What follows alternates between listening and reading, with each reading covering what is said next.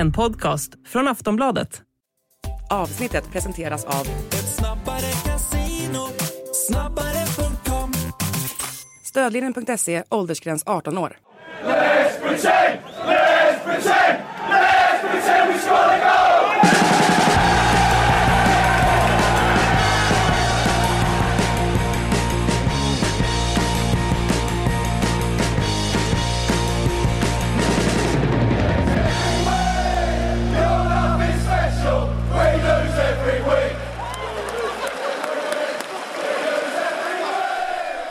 Varmt välkomna till Sportbladets Premier League-podd. Makoto Asara heter jag. Eh, Vikarierar här för Patrik Syk på programledarstolen idag.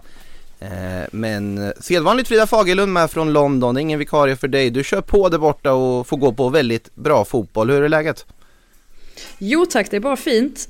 Händelserik helg återigen. Eh, och återigen får jag säga att man inte klagar på fotbollen man har fått sett. Eh, inklusive att få se Lewis mot eh, Kingstonian i National League i lördags.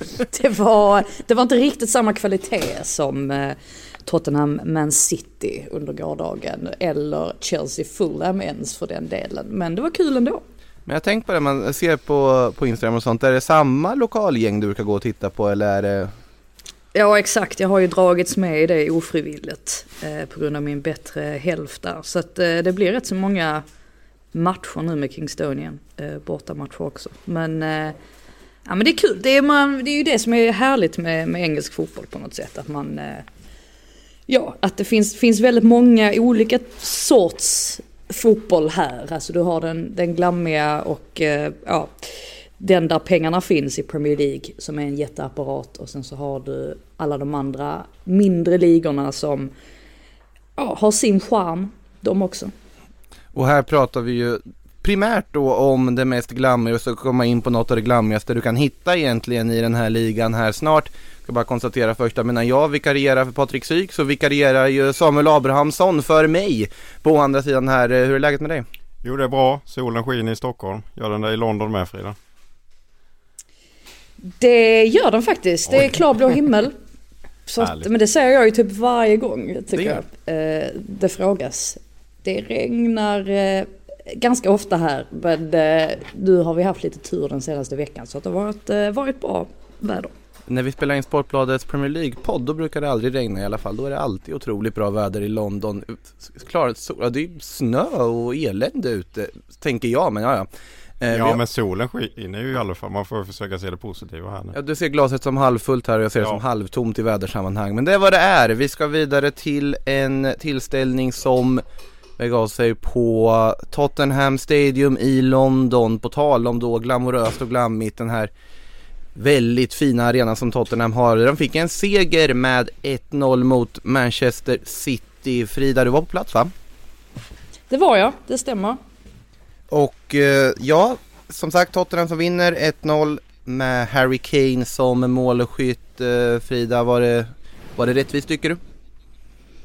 Ja men det tycker jag. Jag tycker att Tottenham gör sin bästa match för säsongen här faktiskt. Eh, om det hänger ihop med att Conte inte var på sidlinjen eller inte, låter jag vara osagt. Det kan ju faktiskt vara så, jag vet jag pratade med Ryan Sessegnon efter matchen att eh, klart att de känner att de vill spela för honom nu när han befinner sig i Italien och vilar upp sig efter att ha tagit bort sin gallblåsa. Eh, som eh, tydligen eh, kan ske ibland. Så att, ja, jag tycker att de gör rakt igenom en, en väldigt fin insats just i det här att de verkligen visar god attityd eller ja, kämpaglöd. Och det är ju någonting som de ibland anklagas för att inte ha. Ehm, och att, ja, vi har sett dem starta matcher långsamt eller trögt och på Etihad. De möttes ju faktiskt för, för bara två veckor sedan. Då var det ju på något sätt som att, ja men de de lyckades få den där 2-0 ledningen men sen så bara klappade de ihop fullständigt i andra halvlek. Och här kändes det som att de hade bestämt sig för att det inte skulle hända. Och eh, de vinner ju på något sätt den, den taktiska matchen här också mot Pep som jag tycker går bort sig lite grann. Eh, tyckte det var intressant att Eric Dyer låg lite högre upp än vanligt. Guardiola hade väl tänkt att Bernardo Silva på något sätt skulle utnyttja de här ytorna som fanns bakom Bentancourt och Höjbjerg men lyckades inte riktigt med det och det blev på något sätt tvärtom att det var Tottenham som kontrollerade det där centrala mittfältet i mångt och mycket. Sen kommer ju De Bruyne in och då tänker man sig väl att det på något sätt ska bli någon sorts skjuts i Man Citys spel men jag tyckte det kändes som att Tottenhams omställningar var så pass farliga att det gav liksom aldrig City chansen att andas med bollen så som de vill göra. Och nu har det ju dessutom blossat upp en debatt här igen om huruvida Haaland är bra eller dålig för Det räcker med en City. match varje ju- gång. Ja, den kommer ju alltid som ett brev på posten, eh, den, eh, den diskussionen. Men jag tycker det är så många gånger under den här matchen där man ser att, ja men där hade man kunnat sätta en, en passning till Haaland i djupled, men den kommer inte riktigt. Och det visar väl också att Håland och Peps filosofi har inte riktigt gifts, alltså gift sig än. Alltså, de har inte riktigt hittat den där formen eller ja, Pep har inte riktigt hittat den där formen för att få ut maximalt av Håland. Så att nej, jättefin insats av eh, Tottenham. Kul för Harry Kane också att bräcka det här rekordet äntligen. Ta sig förbi Jimmy Greaves och vara den som har gjort tredje flest mål nu i Premier League någonsin. Sen får vi väl se hur länge han blir kvar i Tottenham. Han svarar ju väldigt svävande på frågor om sin framtid men allt som allt eh, en bra kväll för Tottenham. Förutom kanske möjligtvis att man hjälper Arsenal nu i, i ligatoppen. Den svider ju givetvis. Ja det kändes som att det fanns många Tottenham-fans som var liksom, men inte nu Harry Kane, det är inte den här matchen du ska göra mål och slå rekord men Jag tror inte spelarna bryr sig så mycket om det men det är väl fansen. ja, framförallt är vi i februari fortfarande. Ja, men eh, det är klart att det svider. Eh, det är ju också intressant att eh, det här var ju femte matchen på nya arenan som City har gått mållösa mot Tottenham. Det är ändå rätt sjuk statistik. Jag tror de har haft 86 skott eller vad det var på de här fem mötena. Och gjort noll mål. Det är ju ändå uppseendeväckande. Det har blivit förbannelse för dem att spela på Tottenham Hotspur Stadium. Ja, hörde ni inte vilken sågning också Guardiola eh, gav efter matchen om London? Ja. Alltså han sågade London totalt. Som stad. Menade, Ja, det var ja, långt men menade att åka. på att det ja, långt att åka och sen så när man väl har tagit sig till London så tar det ytterligare fyra timmar att att komma fram till hotellet. Och, ja, det, var ett, det var ett jäkla gnäll. Och jag tror väl i och för sig att de, nu vet jag inte hur de tog sig till den här matchen. Det kan ha varit så att de försökte sig på ett mer miljövänligt alternativ på grund av den här kampanjen som Premier League hade nu i helgen med den här gröna kampanjen för att eh, ja, främja eh, miljömedvetenhet. Men jag tror nog att i rätt så många fall så tar de väl ändå plan, tror jag. Alternativt tåg. Och eh, det är ju inte så det är inte så illa, eh, tror jag, som han försöker få det att låta som. Men eh, nej, man ska väl skylla på någonting. De har ju också rätt många matcher i London. Det är väl 6-7 lag där. Så att det är jobbigt för Guardiola. Och ska åka dit snart igen och möta Arsenal bland annat. Så. Jag får börja förespråka sånt de gör i eh, amerikanska sporter där de åker på så här bortareseturnéer så att de får alla London bortamatcher på ett bräde och bara kan hänga där och åka runt. Eh, Så stor kanske inte England är så att man behöver göra Nej, den det är det inte. Det är, jag, bara, jag bara tänker på Sverige, ni vet när, när lag ska upp till Östersund och, och sådär. Alltså det är ju tio resor värre på något sätt. Men, eh, ja, Ja. det vad det. Eh, vill inte släppa City helt och än för det kändes, det var ju en ganska anmärkningsvärd startelva. Du nämnde ju det Frida att eh, Kevin De Bruyne inledde på bänken, ett rent taktiskt drag enligt Pep Guardiola och De Bruyne kom ju också in. Eh, men visst var det en 4-4-2? Visst har han på något sätt övertänkt sig till en 4-4-2? Som vi såg. Eh, ja, det beror ju på vad du, vad du menar med det eftersom att Rico Lewis är ju inte riktigt någon, han är ju ytterback, Ja. alltså rent defensivt så att säga. Men offensivt så tar han ju hela tiden klivet in centralt. Eh, så jag, jag vet att vi, eller jag, Glenn Strömberg och eh, vår, våra kollegor, vi, det var någon som, som nämnde ordet eh, ja, falsk fyrbackslinje. Och ja, det, det, existerar, det existerar ju inte riktigt men, men på något sätt så, så kan man ändå förstå vad, ja, man, man kan förstå vad som menas med en falsk fyrbackslinje. Att det på något sätt, ja, i, i, det, det ser ut som en fyrbackslinje och sen så helt plötsligt blir det någonting annat. Men jag antar att det som Guardiola försöker göra här, eh, han, han har ju fortsatt med de här eh, blocken då centralt och det var väl anledningen också till att han tyckt att han lika gärna kunde släppa Cancelo eller låta Cancelo gå till Bayern München för att han känner att det är där hans stora utmaning är att de måste få bättre stadga centralt och sen så har de då Grealish och Mares eh, som, som breddar på kanterna. Jag tycker inte riktigt att han har hittat han har inte hittat det mest optimala sättet för Man City att, att skapa chanser på. Och det är ganska, det är ganska så slående att de, eh, att de har det kämpigt med det just nu. Och tyckte också att det var intressant att han plockade av Mares i, i andra halvleken. Flyttade ut Bernardo Silva till höger för att få in De Bruyne. Jag vet inte, alltså nu, just nu så mixtrar han lite fram och tillbaka. Um, jag vet inte, det är, på något sätt så om man ska besegra Tottenham så är det ju oftast centralt man måste se till att Ja, alltså lyckas man bara liksom få Höjbjerg och Bentancourt, lyckas man bara på något sätt splittra dem och, och, och, spela sig runt dem så har man väldigt goda chanser att besegra Tottenham. Men jag tror också just det här faktumet att Dyer låg så mycket högre än förväntat. Det ställde också till det lite och det gjorde att Bernardo Silva fick ännu färre ytor. Så att eh, nej, äh, det, det, var någonting som inte riktigt klickade där i, i Man City. Jag tycker också det är konstigt att Ruben Diaz aldrig får spela numera.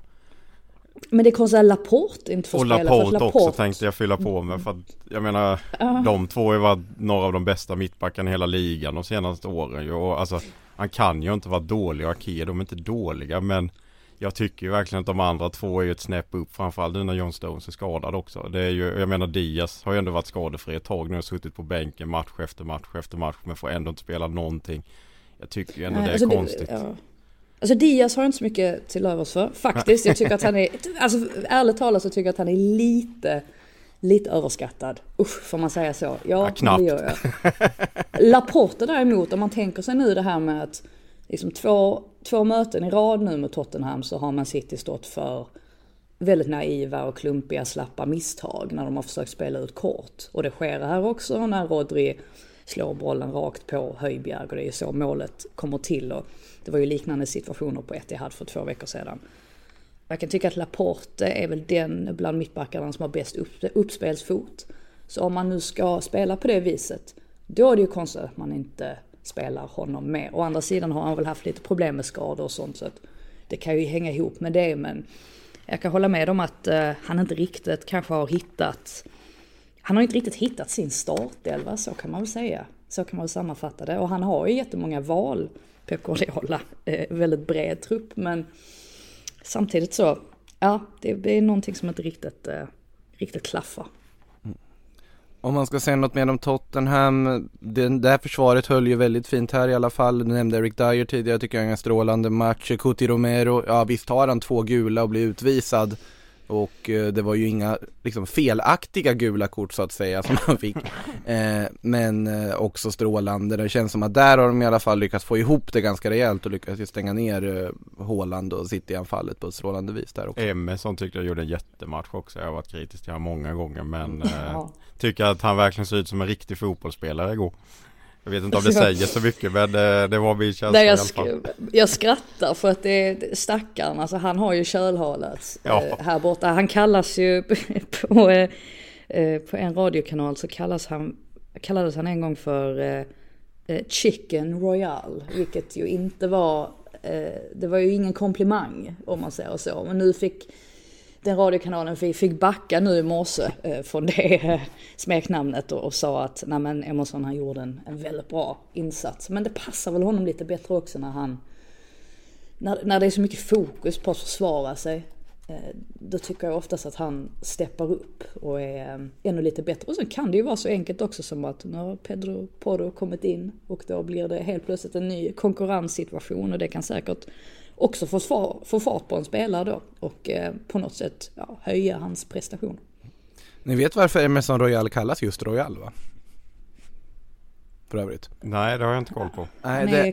kungaättling. Nej det, har, det är för att eh, tydligen när han var liten då så liknade han eh, då en, en vad heter det, maskot för ett godis som heter Royal i Brasilien. Ungefär när han var ett barn och började gråta tyckte man såg ut som den här lilla, vad heter det, gummimaskoten som är för någon sorts gelégodis. Så det är därför han kallas Royal. Det är inte- en del av hans namn. Så det är, det är ett artistnamn i sig också. Väldigt fin eh, backstory. Eh, för övrigt, ja Pedro Porro, nyförvärvet, satt ju på bänken då när Royal tog för sig och eh, imponerade. Hade en lyssnarfråga här också från Edvin Björkvall som konstaterade att Emersons bästa match i Spurs igår räcker så. Och det kan vi väl stäm- hålla med om att han eh, tog chansen. Eh, men som sagt, City tappar dyrbara poäng i guldstriden fortfarande. Fem poäng upp till Arsenal och då menar jag fortfarande i och med att Arsenal tappade ju också poäng borta mot Everton på tal om ett lag som har kölhalats i den här och andra poddar eh, för vad de har gjort och ja, det är väl bara att konstatera Sean Dyche effekten eh, satte i direkt Frida, eller hur? Ja, det gjorde det verkligen. Eh, Men jag kände detta på mig, faktiskt. Ja det tänkte gjorde jag också, det är så någon- vill jag bara flika. Ja, om det är någon match Arsenal kommer att förlora så är det definitivt Evertons första match under Sean Dyche. Eh, Quality sleep is essential for boosting energy, recovery, and well being. So, take your sleep to the next level with Sleep Number. With a Sleep Number smart bed, you can individualize your comfort level and enjoy a better sleep night after night. JD Power ranks Sleep Number number one in customer satisfaction with mattresses purchased in store. And now, the Queen Sleep Number C4 smart bed is only $1,599, a saving of $300, only for a limited time. For JD Power 2023 award information, visit jdpower.com/awards. Only at Sleep Number stores or sleepnumber.com. Ja, nej men säga vad man vill om Daesh och man kan tycka att han är tråkig och alldeles för pragmatisk. Men jag tror att den delen man kanske glömmer bort lite grann och som är en av hans främsta styrkor, det är ju att han faktiskt kan mana liv i en spelartrupp. Att han är väldigt duktig på man management och i det här fallet så förstår han på något sätt Everton, han förstår deras supportrar, han, han vet om hur, hur mycket den fotbollsklubben betyder för staden Liverpool.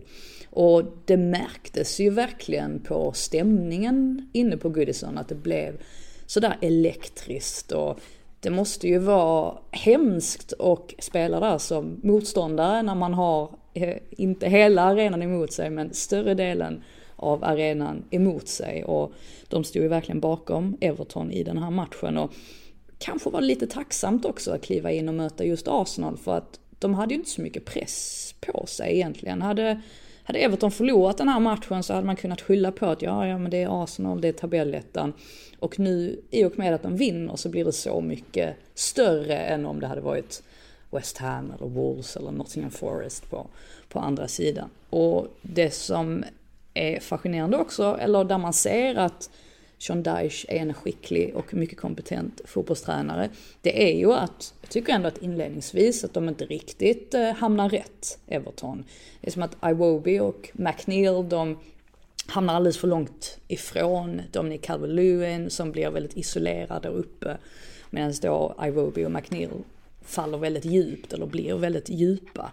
Men sen bestämmer ju sig Daesh för att byta plats på de två och säga åt dem att nej men försök att ligg närmre Calvert Lewin, Lewin istället. Och jag tycker att det är det som gör att Everton på något sätt eh, ja, lyckas göra en av sina främsta insatser den här säsongen, antagligen den absolut bästa, där man verkligen ser att de har inställning och de är betydligt skarpare än, än Arsenal, rakt igenom egentligen. Och sen är det väl eh, typiskt också att det är McNeil som serverar Tarkovsky till, till en hörna som han nickar in. Det kan ju inte bli mer Dyche än så. Så att, nej, eh, fem plus eh, debut här för Dyche på Goodison får man ju säga. Och med risk att låta som en kappvändare så är det ju faktiskt så att nu känner man plötsligt att men Everton kanske ändå löser det här och faktiskt fixar det här kontraktet. Nej, är det sant? Vad intressant. Det var ju någon här som satt och sa att han inte alls trodde på att det skulle kunna gå bra med Daesh. Därav kappvändandet. Jag tror fortfarande att Everton kommer få det svårt. Det tror jag. Jag tror fortfarande att det finns en stor risk att de åker ut. Men det känns åtminstone väldigt mycket ljusare nu. Med tanke på att de det- får den här effekten, så är det ju. Det är ju möjligt och jag tycker när man tittar på truppen så truppen är inte jättebra. Och de har inte jättemånga alternativ framåt. Framförallt inte nu när de har sålt Gordon också. vilket ju var den, den enda spelaren egentligen som var ett verkligt hot offensivt. Så att nej, jag tror också att de kommer eh, de kommer eh, alltså fortsätta få kämpa nu resten av säsongen. För att ja, det känns som att alla lag där nere de studsar tillbaka varannan vecka och plockar någon trepoängare här och där. Så det är ju verkligen tajt där nere. Det blir ju jätteintressant med att de möter Liverpool i derbyt om en vecka. Med tanke på Mm. Liverpools form och tänk om Everton skulle vinna även på Anfield. Vilken jäkla boost det skulle ge inför våren här ändå. Ja då, då vände jag ju kappan ut och in och konstaterade att de säkrade kontraktet. Men det, alltså jag, jag satt ju så sent som i slutet av förra veckan i en annan podd, Sillypodden och sågade Everton brutalt efter deadline day och så vidare och efterfrågade att jag ville se att de skulle visa någon liksom kämpaglöd och bry sig om klubbmärket på bröstet och allting och det var ju faktiskt det de gjorde här nu. Det kanske inte såg så vackert ut och det kommer inte se särskilt vackert ut under våren men om man åtminstone kan kämpa och bry sig så kommer ju det ändå generera en del poäng. Och det är ju det viktigaste här nu för att vissa matcher under Lampard tycker att man bara fallerar totalt. Ja, och, men på något sätt så tycker jag ändå att attityden hela tiden har funnits där. Men att Lampard har inte varit tillräckligt kompetent för att på något sätt skapa trygghet i gruppen. Om man säger så. För att ibland tycker jag att Everton under honom nästan såg lite rädda ut. Eh, att de drog sig för att anfalla, nästan som att de kände att Åh, men det är bättre att försöka säkra upp bakåt. Att allting var lite så här all over the place. Medan då Sean Dyche nog är väldigt duktig på att vara precis tvärtom. Att han kan nog förmedla till dem att ah, men jag har koll på läget här. Och en, en sak han sa i sin intervju efter matchen som man reagerade på var ju att han sa att spelarna kände att de Eh, nej men att, att de, eh, vad, vad säger man på svenska? Nej men att de, de gjorde Lampard besviken eller att de, eh, ja att de inte, de, de inte stod upp för honom eller att de eh, kände att eh, de hade let down honom. Vad säger man? Herregud, jag kan inte, kan inte svenska. alltså, ja, jag funderar också på vad letdown blir. Alltså, De hade, de, de hade, de hade gjort honom, svikit, svikit. ja, det var det. de, de hade besviken. Eh, De hade svikit honom och det tycker jag säger ganska mycket. Också om den här, alltså om spelargruppen, om truppen. Att eh, det kanske handlade mer om att de bara behövde ha in någon som, som har koll på läget och jag, jag tror att Sean Dyche eh, har det faktiskt. Tyckte det piggade upp också att se Neil Mopay komma in och sen hamna i lite så här meningsutbyte med Arsenal-spelare för det kändes som en liten blast from the past när Det har hänt förr det om har hänt så. förr. Man blev lite, lite glad att se det Men då var det i Brighton. Ja oavsett, Neil Mopay mot Och det var Arsenal Gwen Dussi också som Ja. Ja, det var ju väl Gwen Dussis sista match dessutom i Arsenal tror jag.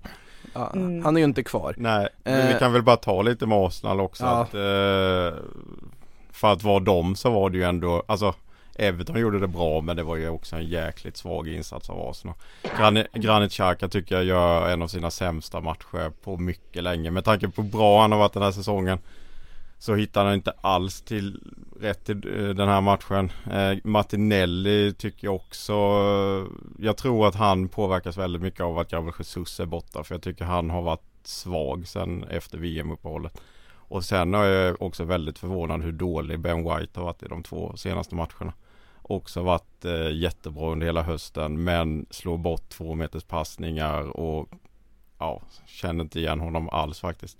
Det borde betyda att kanske Tomiyasu kommer in snart istället.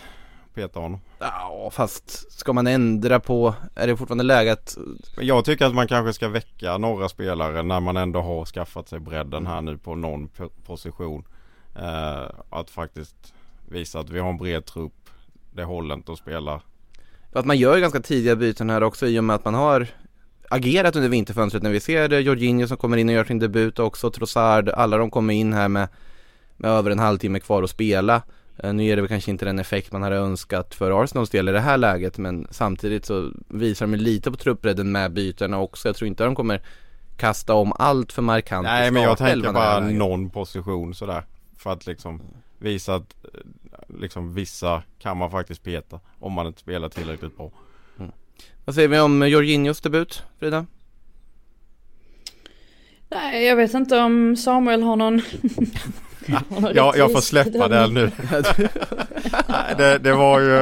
Ja, Det är hans nej. favorit. Ja precis det är ju det. Nej det var väl eh, rätt delade meningar i Arsenal-läget med en del eh, de som redan har bestämt sig att han ska vara usel tyckte ju att han var usel såklart och sen var det en del som tyckte att han eh, ja, gjorde ett helt okej inhopp men eh, ja det var väl snarare att Thomas Partey kände väl kanske av sina revben eh, och därför byttes han ut. Eh, Jorginho Ja. gjorde väl inget liksom väsen av sig. Jag är väl inte en spelare som heller gör direkt väsen av sig men ja det var väl godkänt. Han välte inte internet så att säga. Nej. Men, han, men det är väl, grejen är väl att det man var mest överraskad över var ju att Arsenal har varit så duktiga genom hela säsongen egentligen, bortsett från möjligtvis två matcher då, Leeds och Southampton skulle jag vilja säga så här bara på rak arm. De har varit duktiga på att inte bry sig om hur det andra laget spelar utan göra sin grej.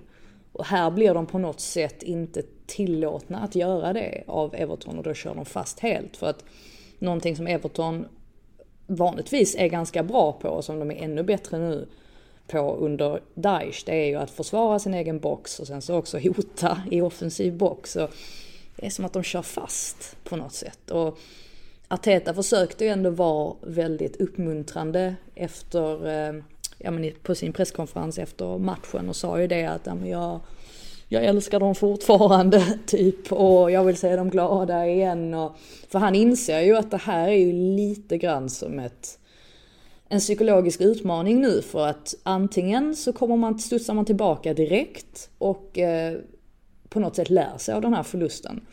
Eller så blir det raka motsatsen, att man bara eh, kollapsar totalt mentalt. Så att det kommer ju verkligen några viktiga matcher här, både mot Brentford som går väldigt starkt, ska man säga, nu i ligan och har sett väldigt fina ut på sistone. Och så inte minst då mot eh, man City. Så att det, det är upp till bevis nu för Arsenal. Nu har man ju fått den här hjälpen också från Tottenham. Så nu får man ju se till att, att nyttja det. Ja, vi kommer in på det där formstarka Brentford de ska möta lite senare men har lite andra hållpunkter på vägen. Tänkte vi skulle ta oss till eh, Molina där Wolverhampton tog tre tunga pinnar men framförallt kanske det var så att det var Liverpool som ja, fortsätter att se väldigt, väldigt svajiga ut. Ett nytt bottennapp här. Hela 3-0 för Wolves alltså. Eh, två tidiga mål som följdes upp av ett tredje. Och eh, ja, vad, vad är det? Vi har pratat om Liverpool väldigt mycket om vad det är som är snett och så vidare där. Men det här var väl nästan ännu en nivå av bottennapp också, eller vad säger du Frida? Ja, det sa vi efter mötet med Brighton att nu Ja, kan de ja, det- inte jo. sjunka lägre. Och det kunde de visst. eh, ja, det är inga, det är inga mentality monsters längre, eh, så mycket kan man ju säga. Jag tycker att det är slappt och noll självförtroende, det är för dåligt pressspel, de är oorganiserade defensivt. Eh, Matip hade ingen bra match, eller en av dem som inte hade någon bra match. Wolves var ju dominanta, de kunde ju ha gjort fyra, fem mål. Men Liverpool gjorde det också väldigt enkelt för dem. Och eh, ja, jag tror inte vi behöver gå igenom egentligen vad det är som inte stämmer i, i själva spelet. Ja nu sa jag ju pressspelet och oorganiserad defensiv för att vi vet alla om att ja, men det är lite skador och mittfältet har inte rätt balans. Det är någonting som eh, ja, har eh, kraschat totalt, skulle man kunna säga. Och nu tycker jag det märks också att Klopp börjar bli sådär stingslig som han kan bli när det inte går bra. Och eh, frågan är ju om, ja men vad som kommer att hända. Eh, det känns väldigt otänkbart att Jürgen Klopp skulle få sparken. Men å andra sidan så kan det ju ibland bli så att tränare som har varit i en klubb väldigt länge, att de kör fast. Alltså det hände Pochettino som man ändå tyckte var, eller som ändå ansågs vara en av de bästa tränarna i, i hela världen kanske. Till och med. När, eller det var så när han lämnade Tottenham men där hade han på något sätt gjort sitt eller att de hade nått vägs ände. Och det är frågan när Klopp kommer nå vägs ände i Liverpool eller om han får chansen nu att bygga om det här laget i, i, i sommar och ja, vad som kommer att ske. Flexibility is great. That's why there's yoga. Flexibility for your insurance coverage is great too. That's why there's United Healthcare Insurance Plans. Underwritten by Golden Rule Insurance Company, United Healthcare Insurance Plans offer flexible, budget friendly coverage for medical, vision, dental, and more. One of these plans may be right for you if you're, say, between jobs, coming off your parents' plan, turning a side hustle into a full hustle, or even missed open enrollment. Want more flexibility? Find out more about United Healthcare Insurance Plans at uh1.com. Jag tycker ändå man såg det också efter matchen på sociala medier och forum och sådär att det börjar ändå liksom bland fansen också att man känner att man börjar få nog helt enkelt. Alltså att Klopp ska bort liksom. Jag tycker inte att jag har känt den vibben innan att eh, det kanske det har men jag har inte sett den i alla fall på det sättet som jag ändå såg efter 3-0 i helgen liksom att fansen börjar känna att fan det här börjar gå riktigt utför alltså. Och Klopp är inte den mannen och rädda dem. Jag tycker väl kanske att det, det, skulle lukta för mycket panik och sparka honom här och nu liksom. Men visst åker man ut mot Real Madrid i Champions League också om man ligger tia i tabellen finns inte så mycket att spela för då vet man inte helt plötsligt om paniken hatar sig fullständigt. Ja. Jag tror inte det händer så länge FSG, alltså nu i och med att de vill sälja klubben och sådär. Jag vet inte om de vill in och rodda med tränarsituationen då. Låter nya ägarna ta det. ja men lite så, mm, för att ja. det kommer ändå bli en extra kostnad.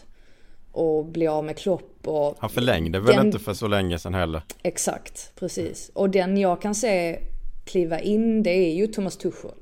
Om man nu ska ha in någon som är ja, är där uppe mm. bland de allra bästa och någon som faktiskt hade kunnat ersätta Klopp om man hade ändå känt att ja, men Liverpool har verkligen en av de, en av de bästa tränarna. Han har ju ersatt Klopp men, förr med så. Det har han ju precis, att han vet, han vet vad det handlar om. Men nej, jag, jag tror faktiskt inte att det kommer att hända. Men det är ju helt klart någonting, någonting som, ja men det är ju helt klart någonting psykologiskt. För att så här, så här dåliga är de inte på något sätt. Alltså spelarna kan inte... Så här dåligt borde inte de här spelarna kunna prestera. Och där kanske man också får lägga över lite av skulden på spelarna. Att, eh, ja, vad är det som gör att de inte kan prestera? På den nivån. Men, ja. ja men det, som, som liksom sättet de agerar vid 2-0 målet, det är ju inte en fråga om att ja, men det är tränarens fel och han borde lämna. Det finns ju en ganska liksom, strukturellt fel i allting när, när det ser ut på det här sättet det gör efter ett självmål tidigt i en... Bra avslut av Craig Dawson dock. Otroligt, absolut. Jättefint avslut av Craig Vil Dawson. Vilket nyförvärv. Ja, verkligen. Glädjen. Nej men det är ju som sagt, alltså Klopp känns ju pressad med också ilskan han visade presskonferensen när han vägrade, det var väl James Spears fråga som han vägrade svara på och bad någon annan annan ställa om den likadant. Men det är ju helt, det är helt, det är ingen som vet vad han syftar på när han säger att James har skrivit någonting som han ogillar. För att James är den mest inställsamma Liverpool-journalisten som jag känner till. Och nej, det är ingen som riktigt vet. Det, det, finns en teori om att han har blandat ihop James Pierce med med en annan eh, skribent på det sättet. Så att han har fått skulden. Men det var ju, jag tyckte det var ganska, ganska fint ändå att hans, eh, hans kollega valde att ställa exakt samma fråga eh, som mm. P, så att han fick ändå svar. Och en Klopp gav ju ett jätteutförligt svar på den frågan också. Vilket gjorde det ännu mer så här att, ja, det kanske var lite onödigt på något sätt. Att, jag tycker att där är ju Klopp osmart i den situationen. Det är väl bättre att mm. bara låtsas som ingenting och låtsas som att man är ganska obrydd istället för att visa så tydligt att man är påverkad av vad journalister skriver och sådär. Jag vet inte, det, det, indikerar ju på något sätt att man är en pressad man. Nu tycker jag i och för sig som sagt, eh, som ni håller med om också, Klopp har ju ändå byggt upp förtroende mandat nog för att få den här säsongen på sig att vända det här. Men om det nu skulle vara att man gör ett skifte, då vill jag bara slänga in Lucho, Luis Enrique. Tror jag hade kunnat passa ganska bra i Liverpool. Eh, någonting att tänka på. Ja, jag kan... ja men det är mycket möjligt. Jag bara, ja. Han har inte tagit över något efter... Jag tror det hade kunnat, eh, i och för sig, Thiago kommer ju fly så fort det går. Och springa därifrån. Så att det är väl där då i sånt fall. Men jag vet inte, det finns en känsla att det skulle kunna bli bra. Uh, jag vet, ja, men jag vet inte, jag tror det med Liverpool, ja det, det är möjligt. Ja. ja bara, bara en känsla. Eh, oavsett, jag tror inte det kommer bli aktuellt ändå så det spelar inte så stor roll. Men eh, vidare då till eh, Manchester där Manchester United tog tre nya poäng och det gjorde man mot Crystal Palace. Eh, fortsatt fin form på Marcus Rashford som eh, fick skriva in sig i målprotokollet ännu en gång. Eh, ordnade dessutom fram en straff som eh, sattes i mål. Eh, Men den stora snackisen efter den här matchen är ju givetvis eh, Carlos Enrique Casemiro och hans eh, röda kort efter att ha tagit stryptag på Will Hughes. Eh, ja, vad, säger vi om hela kaoset som uppstod där efter att han eh, tryckte ner Anton i sarghörnet och sen vart det ju eh, åka av eller vad man ska säga. Ja, alltså vad ska man säga? Eh, jag kan väl tycka att hela den situationen med Casemiro, ja absolut han har sina händer kring Will Hughes eh, hals och eh, ens första tanke är ju också att varför varför är det Casemiros första tanke att ta upp händerna på det viset mot hans hals? Alltså det borde inte ens vara en, en reaktion som man har i sig att göra på det viset. Sen å andra sidan, när man ser den situationen i slow motion så blir den ju hundra gånger värre. När man ser den ur en viss vinkel blir den också mycket värre än vad den ser ut att vara ur en annan vinkel. Så allt sånt påverkar ju också själva domslutet. Jag kanske inte motsätter mig att det är ett rött kort egentligen. Men jag kan tycka att det blir lite värre än vad det var. Och det ser också ut som att Casemiro, det tar ju bara någon sekund innan han fattar att oj, jag har mina händer kring hans hals typ. Eller i alla fall på kragen. Och då släpper han. Och sen så skrattar de ju och kramar om varandra sen efteråt. Eh, ja, det, det är vad det är på något sätt. Jag vet inte vad ni har för, eh, för åsikt kring det. Jag, jag tänker mer, han blev väl avstängd tre matcher nu. Om en, de Ja. kommer överklaga antar jag och sådär.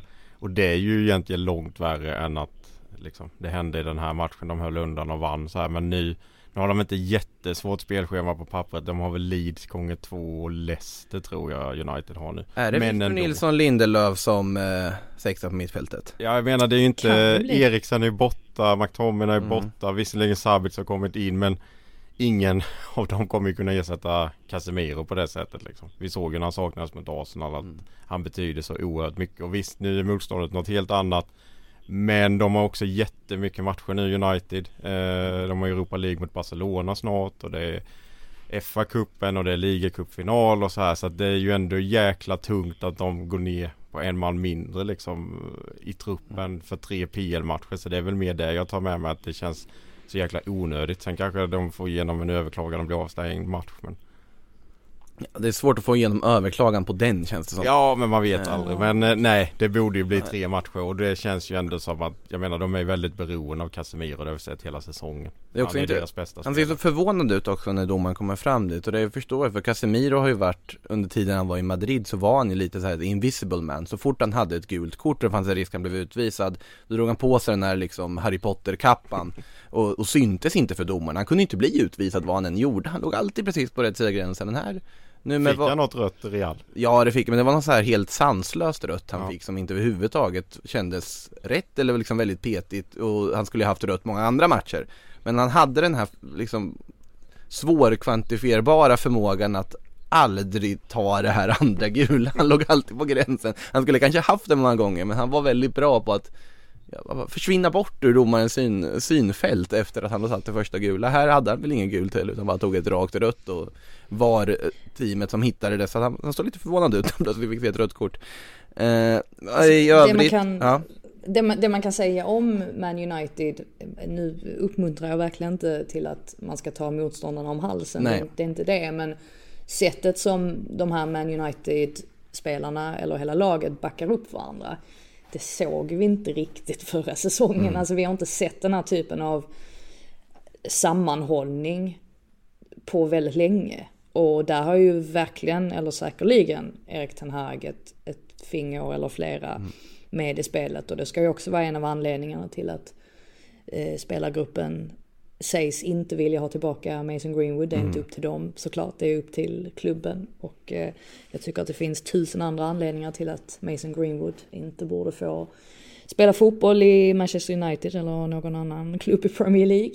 Men det säger ju också mycket om att de verkligen har den här goda sammanhållningen just nu och att de vill fortsätta ha, ha den där goda stämningen. Jag menar till och med eh, Sir Alex åker ju på varenda bortamatch nu tydligen. Bara för att han är så eh, ja, uppslukad igen av eh, Man Uniteds framgång. Och det, det säger väl någonting om ja, vilken, eh, vilken fin period de är inne i just nu. Det är bra att du nämnde Greenwood där också. Det, det känns som att det, du sa precis det som eh, även jag tänker i, i det här fallet. Eh, men vad heter det, just ja med United strålande form just nu, fortsätter vinna matcher. Ska man säga något om Crystal Palace också? Eh, de, eller för sig, de är ganska intetsägande även den här säsongen. De är ju det och Mm. de är ju inte riktigt indragna i bottenstriden heller. Här och nu är ju ändå känslan liksom. De är väldigt intetsägande. Jag tyckte ändå Pallas var rätt intressanta förut men nu och liksom Wilfred Zaha inte med hela han är skadad nu i x antal veckor. Då försvinner ju liksom det, det mest spännande som finns där och Ise var på bänken och nej Pallas är nej verkligen ointressanta faktiskt. Kanske ett av ligans mest ointressanta lag här och nu. Jag tycker, att Vera, jag tycker att Vera slipper undan lite för lätt faktiskt. Och att han har gjort det under ett, ett par månader nu. Det är möjligt att han känner själv också att han kanske saknar lite ledare och att han... Det, det är ju alldeles uppenbart att han inte lyckas få ihop den där offensiven heller med alla de här unga talangerna. För man tänker på en sån som Olise som ju gjorde den här jättefina, eller det här fina frisparksmålet mot eh, Man United på Sellers Park. Så har ju inte han riktigt haft den utvecklingen som vi hade väntat oss att han skulle få den här säsongen. Och det är rätt mycket sånt när man tittar på Palace att man känner att de, de inte riktigt har, eh, de har inte riktigt lyft på det sättet som man trodde att de skulle göra. Och lite osäker på Vira faktiskt. Jag, jag tycker inte att han har, eh, har fått ordning på det så som man hade förväntat sig. Tror du inte att, de, att han slipper undan lite då just för att de är ju inte indragna i bottenstriden i alla fall Fast- rent tabellmässigt. Alltså de ligger väl på typ en 13 plats. Jag vet inte så många poäng men det är lite den känslan att skulle de ligga på typ en 17 18 så tror jag att det skulle låta annorlunda. Nu är det som att han liksom kommer undan lite med att de ligger högre i tabellen och kanske bättre än vad de De är ju på samma poäng som Nottingham. Ja.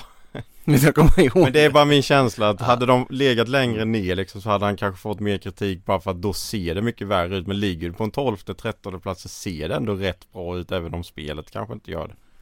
Någonstans. Sen, sen är det väl också så att om man tittar på deras spelschema, de har ju inte haft några lätta matcher. United var det ju här nu, innan dess så har vi alltså liksom Det är Newcastle United igen då såklart när de fick ett, ett de torskade mot Chelsea. Nu kanske inte Chelsea är jättesvåra nu för tiden. Och sen Spurs, det är ju inga lätta Nej, matcher de har haft. Man förväntar sig att Palace ska ta poäng. Eh, men det har sagt så. Nej, men de, de besegrade visserligen Bournemouth på nyårs, nyårsafton var det väl. Men jag menar dessförinnan så får man ju gå tillbaka till alltså början av november där, där de besegrade West Ham på bortaplan och sen så vann de dessförinnan mot Southampton men dessförinnan så, så det så förlorade de ju med, vad var det, 0-3 mot, mot Everton. Alltså de, Ja. deras facit har inte varit jättebra faktiskt. Eh, Men ja, de ligger ju ändå på eh, säker mark än så länge. Ja, och eh, vidare till två lag som båda ligger på säker mark om man tittar på den striden. Nu tittar väl i och för sig ett av lagen mycket mer uppåt. Och det är ju såklart Chelsea där vi hade en hel drös nyförvärv som fick eh, göra sina debuter. Enzo Fernandes rakt in från start efter att ha blivit Premier Leagues dyraste värvning genom tiderna på deadline day. Eh, men det blev bara 0-0 hemma mot Fulham. Eh, Frida, du var på plats här va? Ja, det stämmer. Det var en trevlig fredagskväll och jag tyckte faktiskt det var en det var en ganska kul match, även om den slutade 0-0 så var den rätt så händelserik och Fulham är ju de är så välorganiserade, särskilt utan boll. Det är verkligen som Marcus Silva masterclass på det sättet. Så det gjorde det ännu mer intressant på något sätt. Och Enzo, nej man hade kanske inte väntat sig att han skulle gå rakt in i startelvan. Även om man hade sett de tendenserna hos Potter med övriga nyförvärv. Att han uppenbarligen inte räds att kasta dem rakt in i hetluften. Och Enzo var verkligen Eh, han var egentligen bäst på planen. Han var bäst i Chelsea i alla fall, eh, tycker jag. Eh, det som var problemet med Chelsea var väl att han stundtals blev lite för ensam. För att han hade ju på något sätt den defensiva rollen och så hade han Gallagher och Mount framför sig. Jag tyckte inte riktigt att Gallagher och Mount bidrog tillräckligt i själva ja, men, speluppbyggnaden. Och det gjorde att de gångerna som man, eller där man såg Chelseas kvaliteter, det var ju bland annat när Enzo tråcklade fram en boll där till Ziyech på högerkanten jättefint. Och sen vet jag inte vad Ziyech gjorde, han brände ju den. Alltså det var ju som att han fortfarande hatar Chelseas ledning för han drog ju bollen liksom 25 meter utanför. Sen såg han ju väldigt frustrerad ut efter det avslutet så att det, man kan väl tänka sig att det inte, det inte hängde ihop med det. Annars var ju det också förvånande att Ziyech faktiskt gick rakt in i startelvan efter att ha varit ja, men minuter ifrån att bli en eh, PSG-spelare. Och han är ju inte nöjd med situationen och ska ju inte ha varit nöjd med att Chelsea missade att skicka in papperna, var det tre gånger till slut. Så att, sen hade man ju Mudryk på andra sidan som Dels var han ju väldigt eh, sjuk tydligen, eller hade haft en väldigt svår förkylning under hela veckan. Och det bidrog såklart till hans anonymitet i matchen. Mm. Men samtidigt så tror jag att det inte hjälper heller att ha en sån som Kukureya bakom sig. För att han... Ja, det, blir, det blir mer och mer tydligt att det där var ett eh, fruktansvärt felköp av Chelsea sett till de pengarna man spenderade på honom. För att han ser väldigt osäker ut, han ser vilsen ut eh, i sitt eh, beslutsfattande och det hänger ju säkert ihop med att han inte har presterat så bra och att det då påverkar en mentalt. Men jag tror att, eh, för att i andra halvleken så ser man ju verkligen på något sätt Chelseas framtid i det här att de lastar in väldigt många av sina nyförvärv och det blir ju på något sätt att de skruvar upp tempot. Eh, så man kan ju se någonstans att Chelsea på sikt kommer att bli väldigt bra. Men jag tror att det absolut viktigaste för Chelsea i den här matchen var dels att Reece James kunde spela så pass länge som han gjorde. De var ju lite varsamma med honom och mm. plockade av honom i, i andra halvlek. Men också att Ben Chilwell kom in för att de måste på något sätt få dem i form. Eh, för att Chelsea ska känna sådär riktigt hotfullt och för att målen ska, ska börja komma, tror jag. Eh, ja, sen bränner de ju för mycket men det är ju, det är ju inget nytt. Det var ju sanslöst läget för fan han fick där i slutet. Han gör det så bra hela vägen fram och så har ja, han det upp och sen rullar, ja. Vad gör Lino?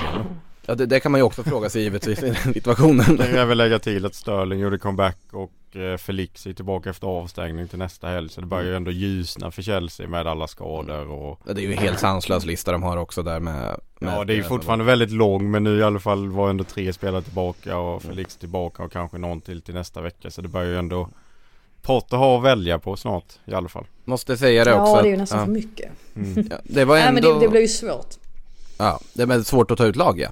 Eh, nej, jag tyckte ändå det var smart av honom faktiskt starta Ziyech här just att det skulle kunna vara en sån situation som skulle kunna störa stämningen i omklädningsrummet ganska rejält och visa att ja men du blev kvar här absolut men du ingår fortfarande på samma premisser som alla andra i mina planer. Och visa att han ska få speltid för det är ju en jättetillgång ifall han kommer i form och så vidare också. Så jag tycker det var ett ganska smart, smart och humant drag av Potter ändå. Frågan är hur mycket Aubameyang eh, känner att han tillhör truppen, han är utanför Champions League-truppen, var i Milano istället för på matchen här nu och så vidare. Han, eh, ja. Ja Barcelona lånar ju tillbaka honom i sommar. Eller, eller så river Chelsea kontraktet och de tar Alba gratis igen. Får se hur mycket han får spela var... under PL under våren tänker jag. För CL blir det ju ingenting med i alla fall. Han är ju utanför planerna helt. Ja. är väl känslan. Eh, Apoto menar ju liksom att han, eh, att han fortfarande har chansen såklart att mm. kunna spela sig tillbaka eh, om han jobbar hårt på träningar och sådär. Det var ju enda gången Potter blev stingslig på sin presskonferens. Det var ju när han fick frågor om eh, Aubameyang och faktumet att han hade syns i Milano eh, under matchens gång och Potter svarar vadå det är en, det är en fri värld. Och ja, det är det ju. Men det är lite grann ett tonårs tonårssvar på något sätt, att det är en fri värld. Eh, det visar ju att han kanske inte var... Eh, alltså Aubameyang hade ju fått helgen ledig.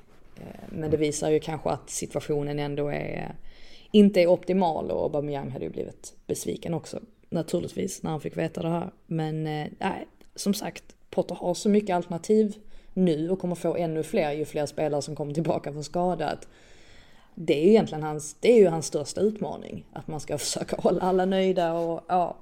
Man ser ju nu här med Mason Mount att han är inte helt nöjd med det här kontraktsförslaget som har lagts fram till honom som innebär att han inte har lika hög lön som vissa seniora spelare och vissa nyförvärv. Eh, och att det eventuellt kan bli så att han vill lämna på grund av det.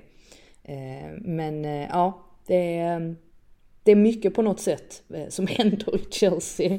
Men vi får väl se om den här affärsmodellen, om den faktiskt fungerar. För att Todd Bowley verkar övertygad om att det här är absolut bästa sättet att få tillbaka Chelsea till den absoluta toppen.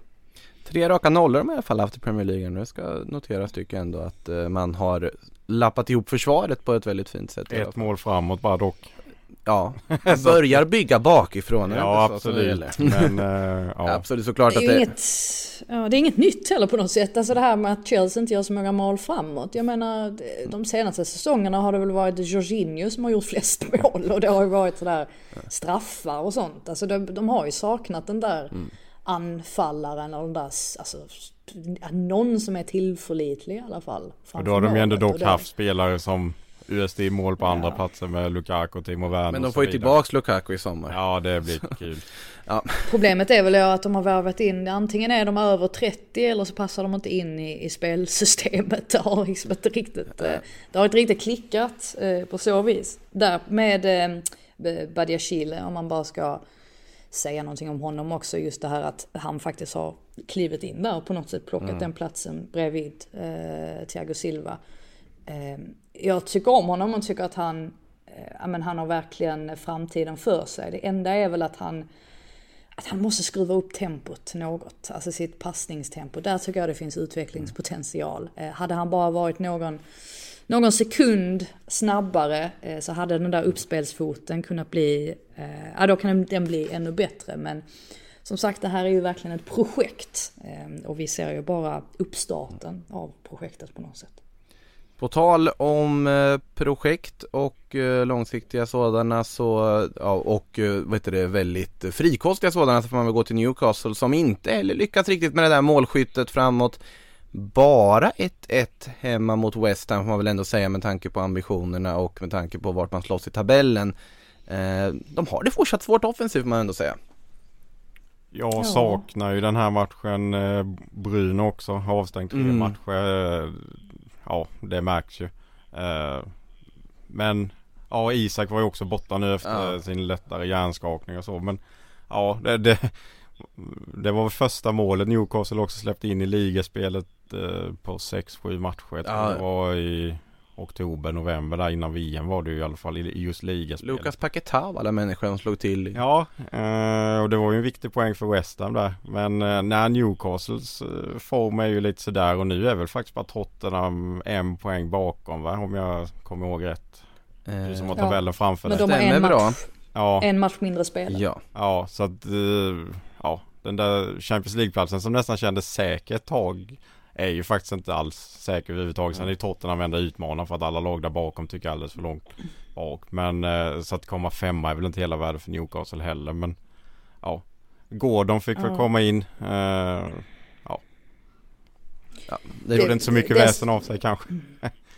Deras största problem är ju egentligen att spelare som Almiron som var inne i något sånt här målstim att han inte riktigt är på samma plats längre och ja, då blir det ju på något sätt väldigt mycket fokus på att det är Wilson eller ja, Alexander Isak när han spelar för den delen som ska göra målen framåt och det är ju det vi inte riktigt har sett på, på samma sätt nu på sistone.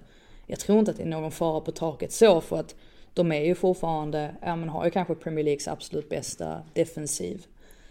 Um, så att, men problemet blir ju såklart att gör man inte Gör man inte mål framåt så innebär det rätt så ofta att det blir en massa, massa kryss och, och Newcastle kryssar helt klart alldeles för mycket med tanke på att, ja precis som ni är inne på att det är inte bara Tottenham egentligen utan det är ju även att Ja alltså Brighton ligger inte superlångt efter om man nu ska, ska vara så. Eh, Så att det finns ju ändå på något sätt eh, ja, hot där bakom att, att se upp för.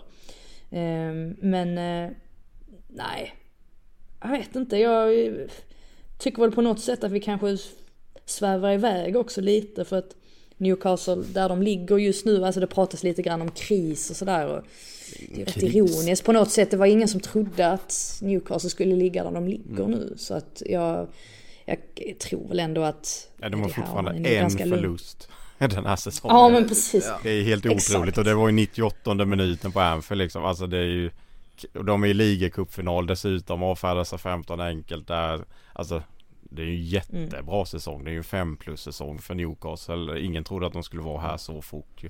Hittills är det det så får vi se men här och nu tycker jag det är en Ja, fem plus ja. säsong av Newcastle. Utan tvekan skulle jag säga och det Men- tycker jag man kan säga om Brighton också som du nämnde där Frida. De fick ju en seger till slut. Ja. Eh, Tänk bara säga där med, med West Ham, Ja. just att Declan, Declan Rice, eh, han är ju verkligen i stor form nu igen.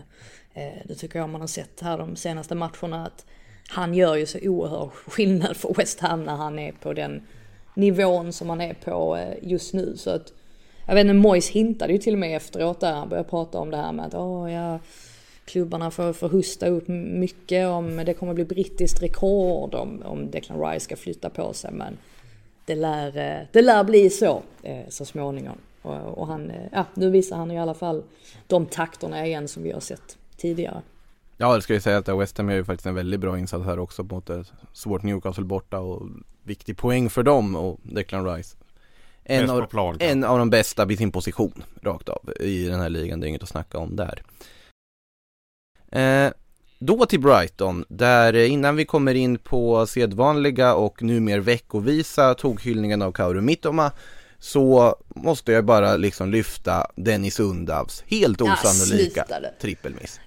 Ja precis, jag tänkte väl det. Jag tänkte du kan inte, du kan inte Nej jag ska inte tokhylla hylla Dennis. Undav här nu. Alltså, men han får chansen från gud. start, det gjorde mig glad att se bara, nu, nu, nu kör vi. Och sen, sen då, han gjort ändå 34 mål i Saint-Gilloise förra säsongen. Eh, eller vad det nu var. Och så får han det här läget, när han har chansen att visa att han hör hemma i den där startelvan. Så får han den där liksom, ja, det är helt makalöst hur det inte blir mål i den situationen. Ja, det är, det är ett hattrick i missar. Eh, dränerade ju honom fullständigt också. Alltså man såg, såg knappt honom efter det. Det var som att han, luften gick ur honom totalt. Det- Eh, nej, kämpa undan. Det var ju för att Evan Ferguson, Mm. eh, för att han eh, fortfarande är, är skadad. Så det var ju därför han fick chansen. Men eh, ja, han var väl, han var väl helt okej. men eh, han får kämpa lite med siktet. Jag gillar ändå, du trodde jag skulle tokhylla det första jag Ja, skulle det, hade, det hade inte förvånat mig överhuvudtaget. Men man borde får- hittat någonting. Och... Makoto mitt och man gör alltså mål på nick nu. Vad, vad händer liksom? Alltså han är ju briljant. Det, det, är ju- det är bara det man kan säga och jag, jag känner ju så här också. Alltså tänk om man hade fått inte bara hoppa in för landslaget i, i, i somras. Hur bra hade det kunnat bli då om han hade fått bara strosa fritt på den här kanten och bara köra. Alltså han är ju i sin livsform. Eh, väldigt spännande att se om det här är en formtopp eller om det här är någonting som kommer vara långvarande och att vi kommer prata om honom till andra större klubbar i sommar eller inte. kommer vi säkert göra oavsett eftersom det är en Brighton-spelare och eh, Brighton-spelare som imponerar kommer att lockas till eller kopplas samman med större klubbar i alla fall. Eh, nej men Cedo får tillbaka efter sin Han fick ett varmt, fick ett varmt mottagande av Mm. eh, fansen får man säga. Det var ju stort jubel när han klev in. Så att Ja, det det kan jag tycka är bra också. Man får Ja. gå vidare på något Ja sätt. absolut. Han, han kommer ju vara viktig i vår. Och det är också imponerande av Brighton. Visst, nu var det Bournemouth som var motståndet. Men ändå, de hade ju lite spelare borta här nu. Och ändå vinner man visserligen rätt sent mål. Men liksom, de bara trummar ju på. Hur långt är de från fjärdeplatsen nu? 6-7 poäng och någon match mindre spelad va? Det är ju helt Mm. ofattbart faktiskt. Eh, De Serbi, det är bara att lyfta på hatten vilket jobb han gör. Mm. Match efter match. De har väl en förlust här när det var mot Arsenal. Sen innan VM-uppehållet liksom. Det är sanslöst. Eh, och nej, det är som sagt Brighton bara 6 poäng bakom Newcastle med två matcher mindre spelade än Newcastle. Det, Mm. det är så pass högt upp de är i den här tabellen. Och om man tittar ganska långt upp i tabellen så hittar vi även Brentford en poäng bakom Brighton med en match mer spelad. Ett Brentford som ja, avfärdar Southampton ganska rejält här med 3-0. Och det som slog mig när man såg eh, situationen från den här matchen är alltså vilket självförtroende de har i Brentford. Alltså det är saker man gör, det är svåra det är inte alltid det enkla besluten, det är liksom svåra yttersidekrossbollar, det är avslut som inte är självklara, det, det är verkligen otroligt självförtroende i det här laget just nu. Ja, så är det verkligen. Mm. Och jag tycker att en skillnad med Brentford nu är att de har eh, oftast kunnat göra bra insatser mot de större lagen eller att de har haft en väldigt bra gameplan eh, mot de lite bättre klubbarna. Men att de nu på något sätt har hittat någon sorts eh, ja, men jämnhet i sina matcher även mot de lagen som de borde slå. Alltså som, eh, nu blev det ju bara 0-0 mot, mot Leeds i förra omgången men att de besegrade Bournemouth med med 2-0 och ja, dessförinnan så blev det väl förlust mot West Ham. Men ja, just det här att de ändå på något sätt har eh, vinner de här matcherna som de ska vinna. Eh, sen i, eh, fastnar jag egentligen mest efter den här matchen, eh, för jag vet inte om ni såg eh, Nathan Jones, eh, han fick ju något fullständigt psykbryt där eh, i samband med sina intervjuer som har lett till nu att det pratas om att han ska få sparken eller att han kommer få sparken efter nästa match om, om de gör ytterligare en dålig insats. Att det är rätt så många av de äldre, mer rutinerade spelarna som har tröttnat på honom redan. Jag vet inte om ni, om ni hörde vad han, vad han sa? Nej, berätta för oss som inte har, har sett.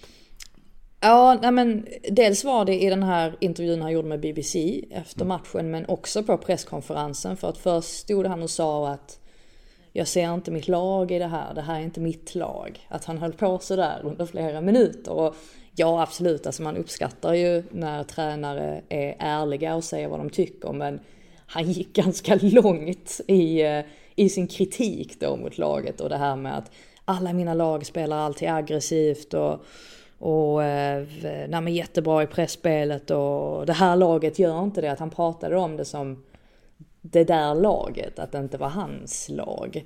Och sen så på presskonferensen så började han ju dra upp att han var en av de bästa tränarna i världen under förra säsongen. Eller vad, att han började nämna sin statistik från Luton och man bara sitter oh, där och tänker att oh, Nathan, det är inte Alltså det är inte läge va, eh, att höja sig själv när man har förlorat med, med 0-3 mot eh, Southampton. Jag tror att jag, jag håller fast vid det här jag sa för någon månad sedan. Jag tycker inte riktigt det känns som att han är, han är redo för att träna ett Premier League-lag. Ehm, tycker man ser det lite i att han, han inte riktigt eh, hittar rätt. Alltså han, han anpassade sig då när de hade den här eh, ja, men, fina sviten där, eller när de vann ett par matcher, bland annat mot Manchester City, så var det ju väldigt mycket för att han på något sätt insåg att han behövde anpassa sig lite.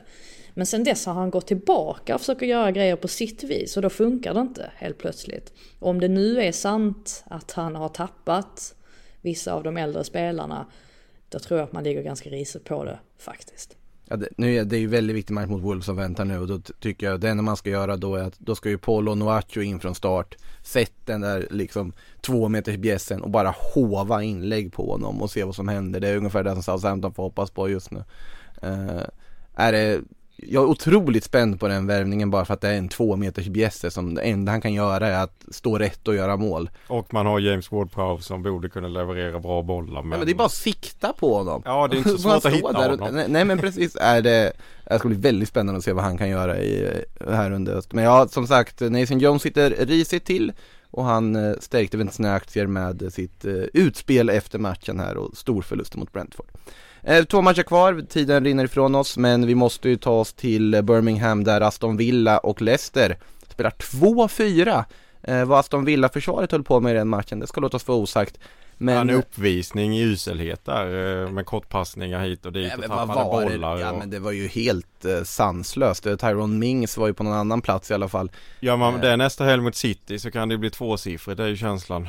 Eh, men ja, ja, viktig seger för Leicester dock. De har ju haft det tungt och skönt Madison i målprotokollet sådär. Och ja, finns ju någonting att bygga vidare på även om de mest fick hjälp till den här segern. Mm. Cheche också. Ska väl lyfta, ja. ja. precis, tänkte precis säga att man får lyfta honom. Eh, han är ju på något sätt, det var ju en fin, fin framspelning av Ian Nacho visserligen till mm. målet men han var ju väldigt orädd, han tog ju för sig och utmanade. Det är ju en riktig sån där dribbler och det är ju faktiskt den spelartypen som Leicester har, eh, har saknat. Eh, tyckte mm. att det var Skönt också för Harry Suter som eh, inte behövde bli syndabock där med sitt, eh, sitt självmål. Det var ju väldigt oturligt men eh, det hade väl kanske inte varit så trevligt nu när man är, är ny, ny i ett lag.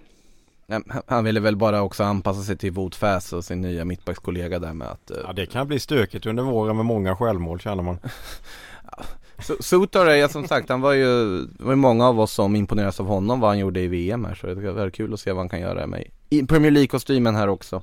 Eh, viktig seger i alla fall för Leicester som eh, då bygger lite avstånd ner till botten eller får lite marginal i alla fall med den här storsegern borta mot Villa.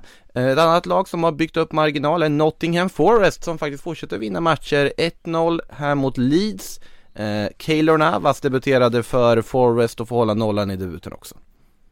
Ja, han gjorde alltså, många viktiga räddningar också. Ska ju nämnas också att han dessutom är den äldsta målvakten att göra Premier League-debut sedan Andy Gorham tror jag. För Man United eh, 2001 måste det ha varit. Så att, eh, nej, han är inte ung, Kaylor. Men, Men håller en eh, jäkla han, hög nivå fortfarande. Ja, han gjorde en, gjorde en väldigt bra match. Eh, och eh, nej, jag är imponerad av Forrest som eh, på något sätt, eh, nej, men just det här att de valde att, att ge Steve Cooper fortsatt förtroende när det faktiskt såg ut som att han mycket väl skulle kunna få sparken. Eh, och det har ju betalat av sig uppenbarligen för att nu, nu börjar man ju se på något sätt att de får betydligt större utdelning för alla de här nyförvärven. Sen är han ju, han är ju en skicklig tränare. Om man nu ska jämföra med Jesse Marsh som är en annan tränare som nu ligger lite riset på det. Eh, med tanke på att de bara har plockat 11 poäng på de senaste 17 matcherna tror jag det är. Om man jämför då med Bielsa och hans sista 17 matcher så hade han 16 poäng på de matcherna. Så att Jesse Marshes alltså, snitt är ju sämre än vad Bielsas var då. Så att han är ju helt klart lite pressad nu. Eh, och det man ser skillnaden där mellan Cooper och Marsh det är ju att Marsh, jag tycker det blir lite konstigt också när en tränare går ut och säger att nej men vi var bra under första halvleken och vi tvingar eh, Forrest att, att göra förändringar. Jo men absolut gjorde de det men samtidigt så är ju Cooper så skicklig att han ser vad han måste förändra. Som i det här fallet var det ju att Gnonto var ju väldigt, eh, eh nej, men han, var, han var väldigt farlig framåt vilket gjorde att ja, men då valde Cooper att göra två byten så att han satte Aurier där istället som skulle kunna hantera honom bättre jämfört med Nico Williams.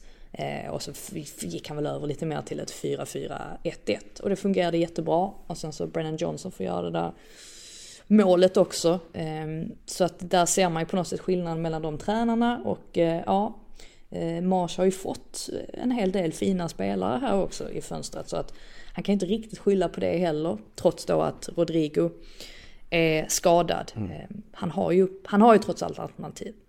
Men de känns ändå uddlösa framåt tycker jag. Många matcher. Antingen Mm. gör de tre mål eller så gör de noll. Det är lite, finns inget De har ju inte vunnit efter VM-uppehållet i ligaspelet heller så att det är ju Nej. Jag är Eh. ändå orolig för Leeds måste jag säga. Trots att Mm. de har många fina spelare. Så det är liksom tabellplaceringen precis ovanför strecket. Tycker ett spel som inte alltid imponerar. Och sen nu om det börjar viskas om att tränaren ska få sparken. Nej, känns inte så bra. Ja. Nej det är oroväckande situation i Leeds onekligen och många lag som är inblandade i den där bottenstriden. Eh, ska se här om vi, då har vi gått igenom hela omgången för övrigt och ska se om vi ska smyga in någon fråga eh, till innan vi stänger ner butiken. Jay Martinsson-Rövnik frågar slut för Klopp snart, det har vi ju diskuterat. Eh, känns väl inte ändå som det. Eh, att det ska vara. Och Christian Sigurdsson frågar också, hur svårt kan det vara att köpa in en bunt bra spelare och sen komma högt i ligan och spela bra? Verkar som max tre av Big Six kan vara bra åt gången. Eh, men det är väl lite just det att det är så pass många lag som är så pass bra som gör att många andra framstår som dåliga under en säsong när det inte prickar. Jag lite fattar känslan. inte riktigt frågan. Eller... eh, Ja men att det alltid är något av Big Six-lagen som underpresterar, att det är flera som gör det. Förra året var det ju liksom United bland annat och i år är det Liverpool och Chelsea. Och... Sen beror det på vad Men man, man är menar. ju i olika, Mm. alltså man är ju i olika skeden av, Så är det av sitt projekt. Alltså allting går ju i cykler på något sätt Mm. och nu ser vi här med Liverpools cykel, nu håller den på att ta slut. Alltså med de spelarna som gjorde det så bra och vann ligatiteln och så, så är det ju, alltså den som liksom alltid tycks studsa tillbaka är ju Guardiola, att han på något sätt tycks hela tiden påbörja en ny cykel. Men, eh, Men sen är nej, det ju alltid allting, allting har ett slut. nya klubbar som är där uppe. Nu är det Newcastle, det har varit Leicester, det har varit West Ham, det har varit Wolverhampton liksom, som gör en sån här kanonsäsong och blandar sig i där också. Det får man inte heller glömma. Jag menar det är jättemånga lag som har fantastiska spelare i, i bottenlagen och mittenlagen också liksom. Mm. Premier League är ju Keylor Nava spelar för Nottingham Forest. Ja. Det är liksom, det bara- Om någon undrar Superligan, ja Premier League är Superligan, så enkelt är det. Ja just nu med eh, pengarna och allting och Ja. där de kan värva in så är det ju så. Då, då är det väl i och för sig lite fascinerande hur vissa trupper kan se ut utifrån den, den premissen. Nåväl, eh, med det sagt så har det blivit dags att eh, runda av Premier League-podden för eh, denna måndag. United spelar faktiskt redan här i veckan mot Leeds, det ska bli väldigt spännande att se vad de gör, om vi får se Victor Nilsson Lindelöf på mittfältet till exempel. Och sen rullar det ju på med fortsatta matcher därefter. PL-podden givetvis tillbaka nästa vecka igen, samma tid och samma kanal. Med det sagt, ha det gott, ha en fin vecka så hörs vi då. Du har lyssnat på en podcast från Aftonbladet. Ansvarig utgivare är Lena K Samuelsson.